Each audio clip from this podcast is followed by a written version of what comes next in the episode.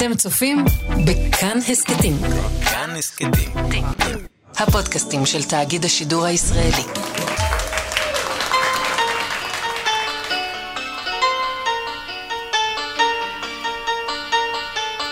כשחיים איסר חיסין היה ילד, הוא למד בחדר. לא חדר במובן של החדרים בבית, אלא חיידר, המוסד החינוכי הדתי בו לומדים העוללים תורה. הוא נולד וגדל בבלארוס, שבאמצע סוף המאה ה-19 הייתה חלק מהאימפריה הרוסית, ואחרי שהוא סיים עם החדר הוא עבר לבית ספר של גדולים, הפעם במוסקבה. באותן השנים פעלו ברוסיה תאים מהפכניים שהתנגדו לשיטה המרקסיסטית. אני יודע, המון מילים גדולות, אז בואו נעשה סדר. זה שווה. לפי קרל מרקס, חברה, כל חברה, צריכה לעבור לשלב הקפיטליסטי כדי שמעמד הפועלים יוכל להתקומם. ומתוך מרד הפועלים אמורה להיוולד חברה סוציאליסטית. וזה על חצי רגל אחד מעקרונות המרקסיזם. החבר'ה המהפכניים אמרו לא. אפשר לייצר חברה אחרת, לא קפיטליסטית, לא רכושנית, מתוך חברה חקלאית. וזה, אמרו, בדיוק מה שרוסיה הייתה. מהפכה עממית, נרודניק ברוסית. חיים איסין ממש אה, התחבר לרעיונות האלה, וכיוון שהוא החשיב את עצמו לפטריוט גדול, הוא הצטרף לתנועה מהפכנית, והיה נחוש להוציא לפועל את הרעיונות שלו. אבל אז התרחשו סופות. סופות בנגב. גל פוגרומים ופרעות אדיר ששטף את כל דרום האימפריה הרוסית, בעיקר אוקראינה. מה שגרם זה הרצח של הצאר אלכסנדר השני, שהיה צאר רפורמטור, אבל אתה רוצה להציג אותי, לא? זהו פרופסור מעוז עזריהו, ראש מוסד הרצל לחקר הציונות באוניברסיטת חיפה. כן, אני אחזור לאלכסנדר השני, שהיה באמת תלו בו הרבה תקוות, אבל המהפכנים החליטו שדווקא אותו צריך לרצוח לפי העיקרון שאם אתה רפורמטור כדאי שירצחו אותך. מי ששילם את המחיר זה היה היהודים. גם המשפחה, אבל בעיקר יהודים, כי פה פה לעיקרון ידוע ברוסיה, הכה ביהודים והצל את רוסיה. הפוגרומים האלה שהיו בעיקר באוקראינה, היו פוגרומים של פחות רצח, אבל uh, בצורה ברוטלית כמו שאפשר לעשות שם, כלומר אונס והרס, מכות, שוד וכולי וכולי. זה תוצאות מאוד משפיעות עד היום הזה למה שקרה אז ב-1881. שני דברים.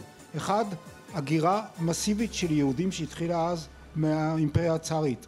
לאמריקה, שניים וחצי מיליון יהודים עזבו, וקצת מאוד יהודים שהגיעו לארץ ישראל, שזה סיפור שמעניין אותנו יותר, כשלושים אלף בערך, עלייה ראשונה. דבר שני, שהרבה יהודים שראו את עתידם ברוסיה, וחלק מהתנועה המהפכנית, פשוט החליטו שהם משנים כיוון. למשל, השם הכי מפורסם אולי, חוץ משלנו, זה פינסקר, כן, שהיה קודם חלק מהתנועה הזאת של הנרודניקים, והפך להיות, כתב אחר כך את האמנציפציה, היהודים מה שנקרא מאבדים את האשליה שאפשר עתיד ברוסיה ופונים לכיוונים אחרים. הרדיפות של יהודים דרך אגב נמשכות עד 1917 עד המהפכה, גלים של פרעות. כל גל כזה מייצר גל עלייה לארץ ישראל, עלייה שנייה, עלייה שלישית.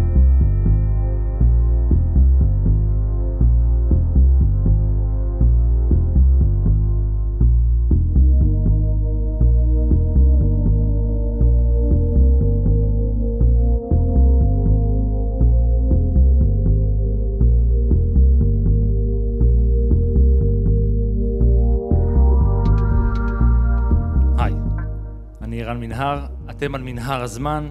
מדי פרק אנחנו מספרים לכם על מקרה שקרה בעבר מזווית שכנראה עוד לא הכרתם.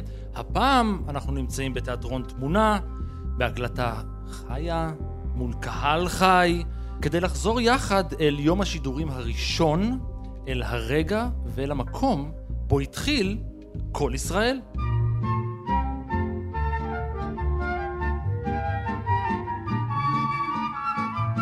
הפוגרומים של שנת 1881 טלטלו את עולמו של חיסי.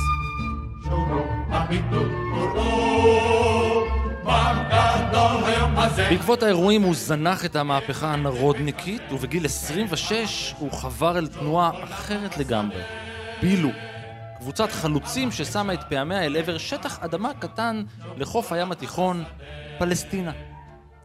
לא רק שהוא היה חלוץ, חיסין היה בין חברי המשלחת הראשונה של החלוצים לארץ ישראל. הוא עבד במקווה ישראל, בית הספר החקלאי הראשון בארץ ישראל, בעצם היישוב הראשון בארץ. הוא היה ממקימי ראשון לציון וגדרה, אבל הוא לא הצליח להתבסס כלכלית. ולכן הוא עבר ליפו, ולירושלים, וליפו, ולירושלים, וליפו. הוא, הוא היה מעין אה, נהג מונית, עגלון, שהיה מסיע אנשים על הקו יפו-ירושלים. קוראים לי ליפה העגלון, אני אולי האחרון שיש לו עוד פלטפורמה ישנה. אבל גם זה לא היה זה. אחרי חמש שנים בהם הוא ניסה הכל, הוא ירד מהארץ. השנה הייתה 1887 וחיסין חזר לרוסיה ללמוד רוקחות. אחרי 11 שנים הוא שוב עבר, הפעם לשוויץ, שם הוא למד רפואה. הוא השתתף בשני קונגרסים ציוניים, הוא חזר לארץ כדוקטור בשנת 1905, והוא קבע את מקום מושבו ביפו.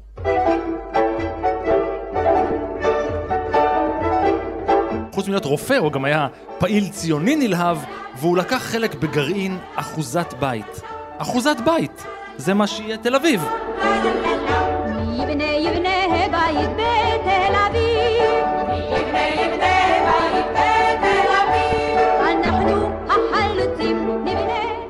ב-1905 קורים דברים ביפו. נוסדת שם הגימנסיה העברית הרצליה. למה יפו כל כך חשובה? כי משם באה תל אביב. אבל למה זה קורה? כי העולים מגיעים ליפו, כי זה הנמל. וב-1906 כמה עולים, חיסין ביניהם גם כן, נפגשים ומחליטים לייסד עיר חדשה, שכונה חדשה. חלק חושבים שזו שכונה חדשה בסגנון בני ביתך או משפרי דיור, ביפו כמובן, אחרים חושבים שיש להם חזון גדול של עיר שתיקרא, הם לא יודעים איך, יש להם חברה שנקראת אחוזת בית שזו חברה משכנת, כמו כל חברה משכנת, לא רוצה להגיד שמות כי, זה מסחרי, אבל זה השם של החברה, זה הכל. והם ב-1909 מגרילים את המגרשים, תמונה מאוד מפורסמת, 11 באפריל, אף אחד לא יודע אם זה קרה או לא, אבל יש צילום שאומרים שזה מה שהיה, לא יודעים, לוט בערפל. ומתחילים מיד לבנות וזה הולך מהר מאוד וב-1910 כבר הבתים מוקמים ואנשים נכנסים לבתים שלהם ומה שקורה הוא שהם נפגשים ומחליטים לקרוא לשכונה בשם כי אין לה שם, יש אחוזת בית זה החברה ולשכונה הם מחליטים לקרוא לה תל אביב. תל אביב כמובן על שם ספרו של הרצל. וזו ההתחלה המאוד צנועה 60 משפחות או 66 אף אחד לא יודע ההתחלה של מה שהיום אנחנו מכירים תל אביב או תל אביב יפו בשלב מסוים חיסין כיהן כיושב ראש אחוזת בית. הוא דאג לניקיון הרחובות והמבנים הציבוריים, ויחד עם עוד חמישה רופאים, היה ממקימי האגודה מדיצינית עברית יפו ארץ ישראל. יודעים מה זה? אחרי שקמה המדינה, האגודה הפכה להסתדרות הרפואית הישראלית. במהלך מלחמת העולם הראשונה, גירשו העות'מאנים את חיסין ובני משפחתו מתל אביב.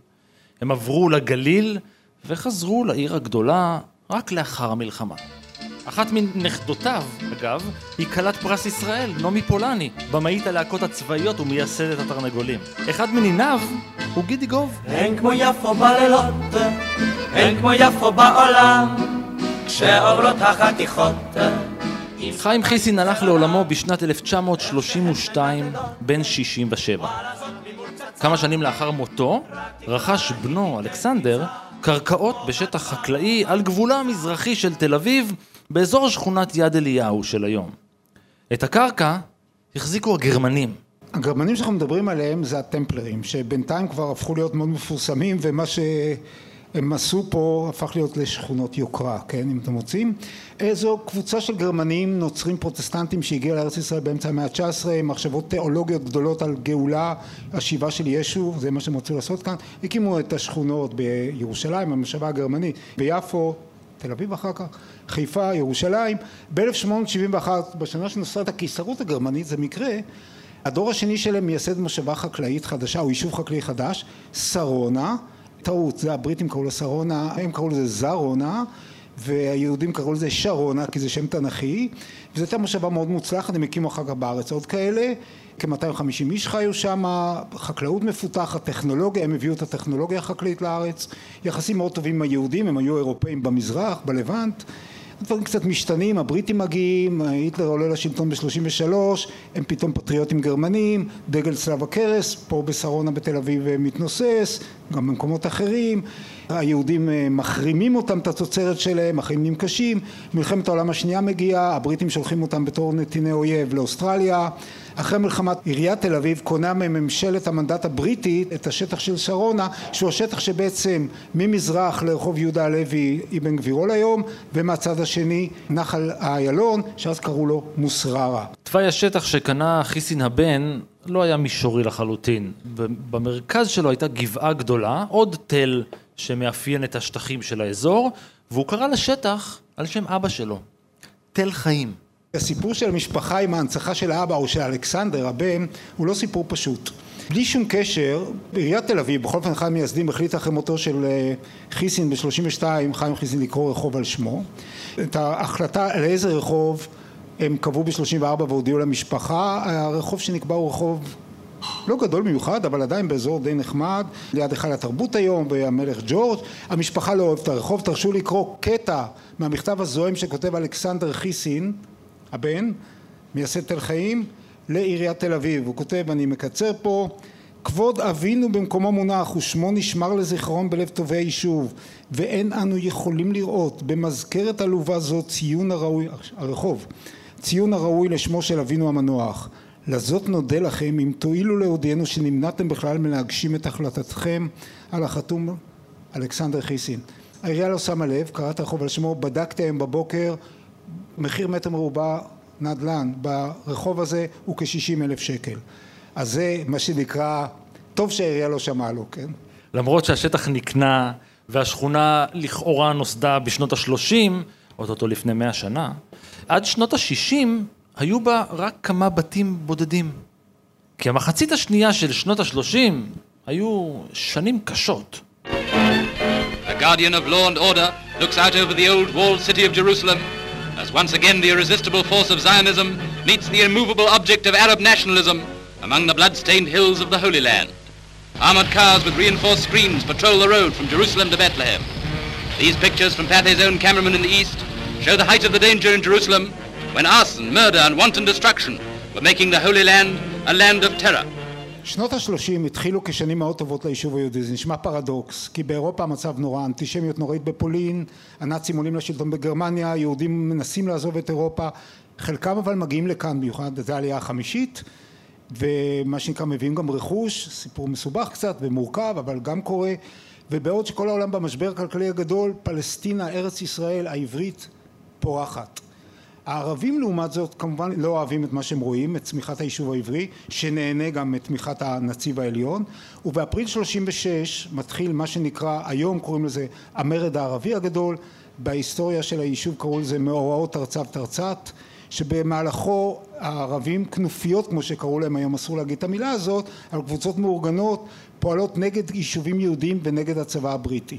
היהודים עסוקים בעיקר בהגנה על עצמם, כי זו מלחמה על דרכים ועל יישובים, על פשיטות על יישובים.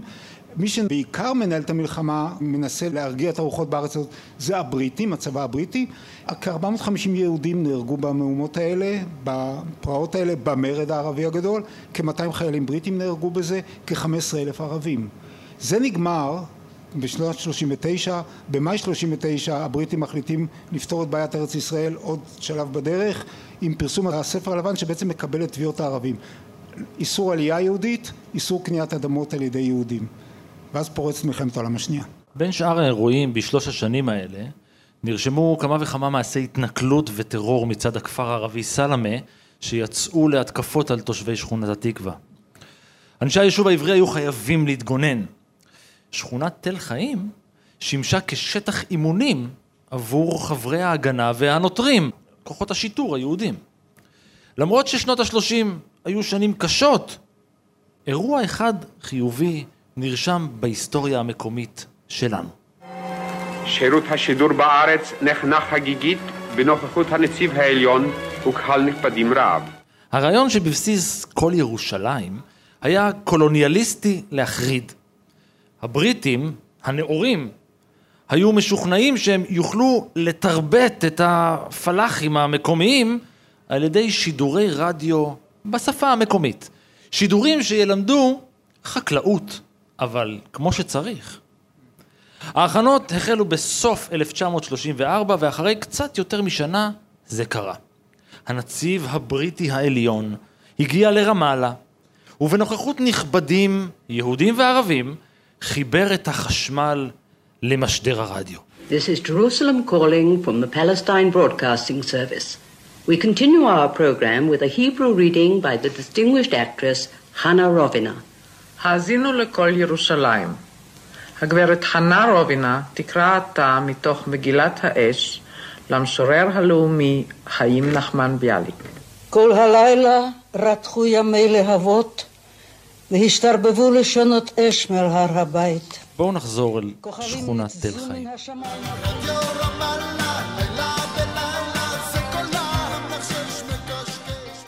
לקראת סיומו של המנדט הבריטי, ראשי היישוב החליטו כי תחנת רדיו ישראלית חייבת להתחיל את שידוריה מיד לאחר הקמת המדינה, אם לא באותו רגע ממש. ולאחר שהבריטים יעזבו, הרדיו שלהם, שישב ברמאללה, לא יהיה עוד בשטח ישראל. וכל עוד הבריטים בשטח, כל העסק הזה חייב להתנהל בסודי סודות. כתקופה אחרי מלחמת העולם השנייה, זה תקופת המרי העברי, זה המאבק של היישוב העברי בספר הלבן ובממשלה הבריטית פה. השתי הסיסמאות היו עלייה חופשית, אוניות המעפילים שמגיעות לארץ, כולנו זוכרים את התמונות האלה, ומדינה עברית, הרעיון של מדינה עברית, לא בית לאומי למדינה. וכמובן מה שנקרא מחתרות ופיצוצים ומאבקים והרוגים וסודי סודות זה חלק מהעניין של קיום במחתרת ולכן כשאנשים חושבים או כשהם מתחילים לפתח דבר כזה שהוא בעצם כמעט ריבונות ברור שהם עושים את זה בסודי סודות. וכך בתחילת 1948 נבחרו האנשים שיקימו את המיזם השאפתני. צוות ההקמה של כל ישראל כלל שלושה מהנדסים בראשותו של הלל לנגהולץ, מי שניהל באותו הזמן ממש את תחנת הרדיו המנדטורית בבית ג'אלה.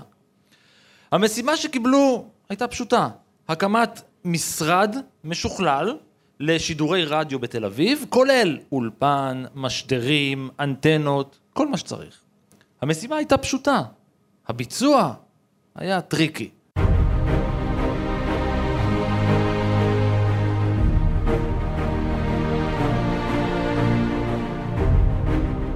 האתר שייבחר להפעלת הרדיו החדש, והמחתרתי כרגע, היה צריך להיות רחוק מספיק מהמרכז, אבל קרוב אליו. נידח, אבל מרכזי. כזה שאפשר למקם בו מתקנים לשידור, בשלוש מילים, שכונת תל חיים. פה היו פרדסים, והוחלט כאן להקים את התחנה. בלי שהאנגלים ידעו, בלי שהערבים ידעו. זהו יורם לוין, מהנדס ציוד ומבנים בחברת בזק. זוכרים שבשכונה לא היו הרבה בתים, וזוכרים שהיא הייתה בלב שטח חקלאי. החבורה הסודית הפשילה שרוולים והקימה תוך חודשיים מבנה חדש בשטח. הוא נראה כמו מבנה חקלאי, מעין מחסן גדול ליד שדה, אלא שמתחת לפני השטח, ממש מתחת לבניין, נחפר בונקר תת-קרקעי בבור מים. והחדר הממוגן הזה היה אמור להתמלא בציוד טכני, בעיקר משדר רב עוצמה. אבל לא היה להם משדר. אז הם בנו אחד. הם ייצרו בבית מלאכה את כל החלקים הרלוונטיים שדרושים לבניית המשדר בעצמם. סמל משטרה עלה לרמאללה ופשוט לקח שני סוגי שפופרות והודות לשתי הסוגים של השפופרות אפשר היה להתחיל לבנות את המשדר. חוץ מזה, הורכבו בבונקר עוד שלושה משדרים עוצמתיים שנשדדו מתחנת הרדיו הבריטית ברמאללה. כל הפעילות הזאת במשך חודשים לקראת אמצע חודש מאי, אז תוכננה הכרזת המדינה, משכה את תשומת ליבם של הבריטים. הבריטים מצאו פתאום שפה יש תנועה, ואז אמרו להם שהוקם פה בית חרושת לאטריות. אכלו את הלא. עכשיו נותר רק לבדוק שהכל עובד. אחרי כמה ימי ניסוי באפריל, בתחילת חודש מאי, הודלקה המערכת החדשה בבונקר.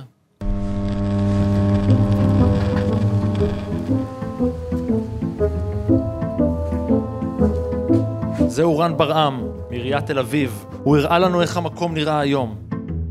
ואלה למעשה המשדרים, המשדרים המקוריים, ארונות המשדרים, אה, מורכבים די אה, פרוביזוריים מכל מיני חלקים, חלקם אורגינליים מחברת RCA האמריקאית, חלקם פיתוחים ועבודות של אה, אותם מהנדסים. ורק דמיינו את השלושה החבר'ה האלה עומדים פה, וזה מוציא חום רציני.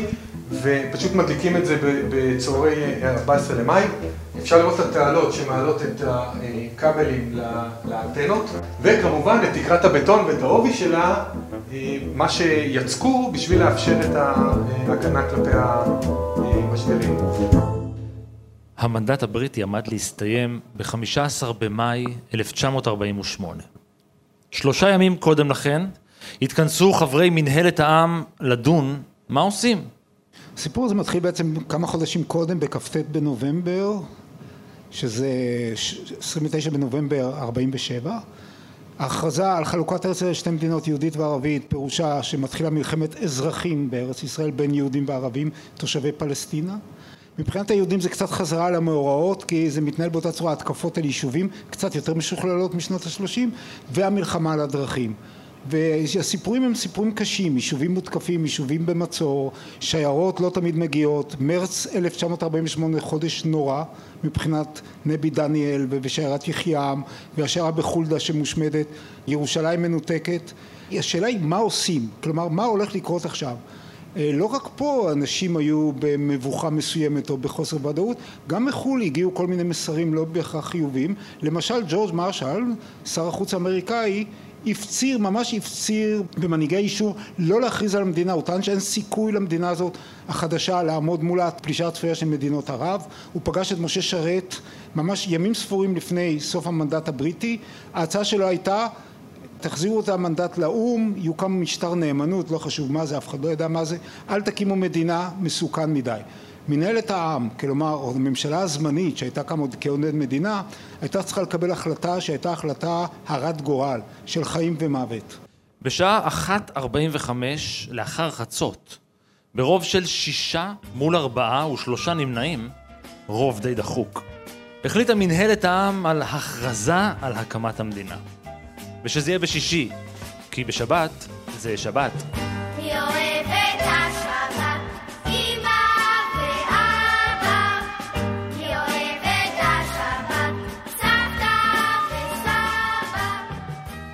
צוות הרדיו המחתרתי הצעיר נכנס לפעולה. את האירוע הזה חייבים לשדר לכל העם היושב בציון. וגם לשכנים החדשים. בכל זאת, יש בבונקר משדרים די עוצמתיים. ההכרזה התקיימה במוזיאון תל אביב. אבל אם אתם חושבים על המבנה בשדרות שאול המלך, אתם לא בכיוון. באותו הזמן מוזיאון תל אביב שכן בבית דיזנגוף, שדרות רוטשילד 16, אחד מהבתים הראשונים של תל אביב, כי דיזנגוף אחד ממייסדי תל אביב. הוא לא היה ראש העירייה הראשון אז, כי לא הייתה עוד עירייה, אבל לא חשוב. והבניין זה כמו כל הבניינים של תל אביב, קומה אחת, כי זה כפרי, ובשנות ה-20 זה שתי קומות, ואחרי זה שלוש קומות. דיזינגוף היה נשוי, לא היה לו ילדים, הייתה לו בת שמתה כשהייתה תינוקת לפני שנים רבות. הוא גר בבית עם אשתו שהייתה חולה, זו צינה דיזינגוף מהכיכר, כיכר צינה, הרחוב הוא מאיר, הכיכר זה צינה. היא מתה ב-1930, הוא נשאר לבד בבית הגדול הזה, סליחה, הייתה גם סוסה מאחורה באהובה, הסוסה מאירה, בה', מאיר ומאירה, זה שמה, ודיזנגוף החליט כראש העיר המיתולוגי של תל אביב, הוא כבר היה מיתולוגי, הוא עשה מעצמו מיתוס, זה היה חלק מהעניין, כעיר שמכבדת את עצמה, בתל אביב הייתה עיר שמכבדת את עצמה, תמיד הייתה, החליט אה, שצריך להיות אה, מוזיאון אמנותי, כמו בכל עיר, כמו בניו יורק, כמו בברלין, כמו בלונדון, והוא פינה העניק שתי קומות מהבית שבו התגורר למוזיאון הזה, שנחנך בשנת 1932. כלומר ראש העירייה גר למעלה, הסוסה מאחורה ולמטה בשתי הקומות הראשונות, מוזיאון רציני עם אוסף רציני שהולך ומתהווה ומתגבש של יצירות אמנות. דיזיגוף מת ב-1936 בספטמבר, את הבית הוא מוריש, עוד פעם אין לו ילדים, לעיריית תל אביב, כל הבניין הופך להיות מוזיאון, מקום מאוד uh, מרכזי בחיי התרבות של תל אביב. ישיבת מועצת העם התכנסה בצהריים להכריז על הקמת המדינה. על מנת להעביר את ההכרזה בשידור חי, היה צריך למתוח קו טלפון חדש, מהמוזיאון בשדרות רוטשילד ועד לתחנת תל חיים. פה אני חייב אה, לשער איך זה קרה. כי אנחנו רגילים לכל הגשרים על האיילון, עוד פעם, אז קראו לו מוסררה, לא חשוב. בעצם מתברר שהסיפור של ההיסטוריה של הגשרים הוא מרתק על האיילון. כי השכונות במזרח תל אביב היו די מנותקות. כלומר, היה את הכביש, את הגשר ליד הבורסה שהוביל לפתח תקווה, זה הראשון. ב-32 בנו עוד גשר שחיבר את תל אביב עם בית הקברות החדש שלה בנחלת יצחק. אי אפשר להעביר את המתים דרך הנחל, זה בעיה. אז בנו גשר, אה, דרשו דרך אגב, גבו דמי מעבר, זה לא חשוב. הגשר שכנראה העבירו את חוטי הטלפון, את הכבלים הללו, זה הגשר האחרון שהוקם על איילון, שוב המוסרה, בשנת 46, זה הגשר שקישר את תל אביב מערב עם השכונה החדשה המוקמת במזרח, היא יד אליהו, שמוקמת מ-45 בערך כשכונה לחיילים יהודים משוחררים במלחמת העולם השנייה שהיו בצבא הבריטי, יד אליהו זה השמו של גולום, עשיתי חשבון קטן בגוגל, נראה לי שמשדרות רוטשילד 16 עד הבית בתל חיים זה כארבעה וחצי קילומטר, אני חושב שזה המרחק, זה הכבלים. בשעה אחת אושר נוסח ההכרזה. הכל עבד כמו שצריך עד ש... שמונה דקות לפני התחלת הטקס המשדר הפסיק לעבוד. למזלנו אותרה התקלה, הופעל המשדר והוכרזה המדינה. בשעה ארבע אחרי הצהריים הרים דוד בן גוריון את פטיש יושב הראש ודפק על שולחן המליאה. כולם נעמדו ספונטנית והחלו לשיר את התקווה.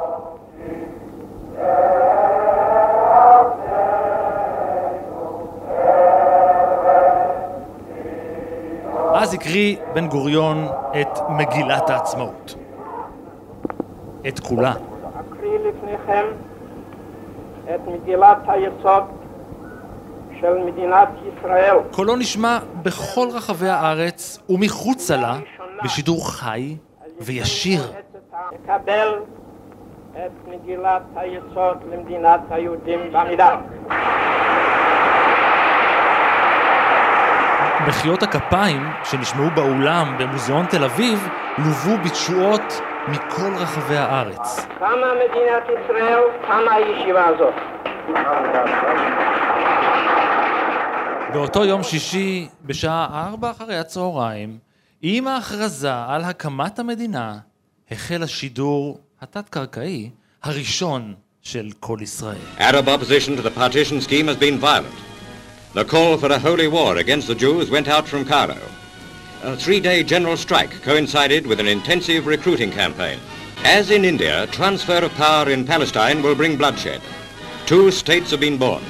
For the Holy Land, the immediate future would not bring peace. עם הקמת המדינה, כידוע, נפתחה מלחמה. בעצם ממשיכה מלחמה בהבדל אחד, שעם הקמת המדינה, מלחמת האזרחים הופכת להיות מלחמה במדינות. מה שחששו אכן קרה. ופלישת מדינות ערב שהייתה ברורה, הם הכריזו על זה שהם לא ייתנו למדינה היהודית להתקיים, מצרים, ירדן, סוריה, לבנון פחות אבל לכאורה, פולשות, כל אלה שהיו באירוע החגיגי הזה ששודר בצורה כל כך מרגשת, ידעו שמשהו הולך לקרות, כולם ידעו שהולך להיות קשה, לא כולם היו בטוחים שזה יצליח, למחרת במוצאי שבת, ה-15 במאי, מטוסים מצרים מפציצים את תל אביב, פעם ראשונה היו עוד הפצצות, רק כדוגמה, כמאה שלושים תושבי תל אביב נהרגו בהפצצות אוויריות על מלחמה. הטענה שנשמעת הייתה שתושבי תל אביב לא כל כך צייתו להגנה אזרחית כמו שקראו לזה, יצאו החוצה לראות את המטוסים המצריים מפציצים, זה נגמר לא כל כך טוב.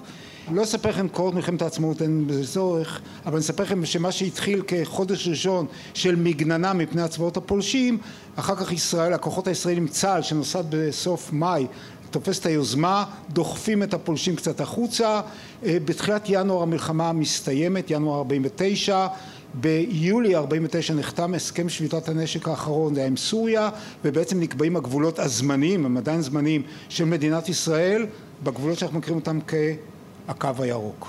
כל ישראל בגל 43.9 ובגל 460.3. השעה היא שמונה וחמש עשרה והרי החדשות ועיקרן תחילה. כוחות האויב המשיכו להפר את ההפוגה בירושלים ביממה האחרונה. בוועדה המדינית של עצרת או"ם דחה הנציג הבריטי את ההצעה הסובייטית על פירוק. שידורי כל ישראל מהבונקר התת-קרקעי היו באיכות נמוכה. בכל זאת, זה מתחת לאדמה. ככל שהלכה הלחימה ונמשכה, וככל שהתברר כי האפשרות ששכונת תל חיים תיפגע אה, נמוכה, עברו השידורים ועלו מן המרתף. תחנת תל חיים עברה לשדר מהקרקע, והבונקר הלך ונשכח. שנים לאחר מכן, לאחר שכל ישראל כבר שידרה מאולפנים חדשים, תחנת תל חיים שימשה כתחנת גיבוי. תפקיד שנזנח גם הוא לאחר שהוקמו תחנות אה, חדשות מצפון ומדרום לגוש דן. אם אתם רוצים לראות את המבנה כיום, אתם יכולים. לא תוכלו להיכנס אליו, אבל אפשר לראות אותו מבחוץ. ברחוב משה דיין, ממש ליד הפנייה ליצחק שדה. כיום מקדמת עיריית תל אביב אה, תוכנית לשמור על האתר ההיסטורי הזה. כן, יש לזה עתיד, ללא ספק אה, היום בישראל אה, לעבר יש עתיד גדול, במורשת והיסטוריה זה, יש לזה כוח. אני חושב שזה די מרגש לגלות דבר כזה פתאום ששם רואים מין מבנה כזה שאין לו כלום כאילו שמעיד מה יכול להיות בתוכו ופתאום מגלים שם מבנה נטוש את האוצרות האלה ואת ההיסטוריה באמת שהייתה שם. זה ייקח קצת זמן כמובן עד שהדברים אה, יקרו ועד שהדברים יעשו ואז יהיה החלטה וכמו שאני מכיר את הדברים יקימו צוות היגוי ואחרי זה יהיה אה, ועד מנהל והכל יהיה בסדר אבל לפחות השלב הראשון נעשה נקבע שזה יהיה זה אתר היסטורי אתר לשימור זה קודם כל אומר ששומרים על מה שיש שם וזו ההתחלה של העתיד עד כאן מנהר הזמן להפעם. תודה לפרופסור מאור עזריהו. תודה גם לאור מנהר, שתמיד על ההפקה, ולאייל שינדלר, שהיה על העריכה ועל הסאונדים. תודה גם לאדריכל רן ברעם מעיריית תל אביב שעשה לנו סיור במקום. תודה גדולה גם לתיאטרון תמונה ולכל הצוות על האירוח המופלא. אה, ותודה ענקית לכולכם שבאתם להאזין ולראות אותנו. כרגיל, עוד סיפורים מחכים לכם באתר שלנו, באפליקציה, בכל יישומון הסכתים שאתם מעדיפים. אגב, גם ביישומון הרכב של כאן. ונשוב וניפגש בפרק הבא.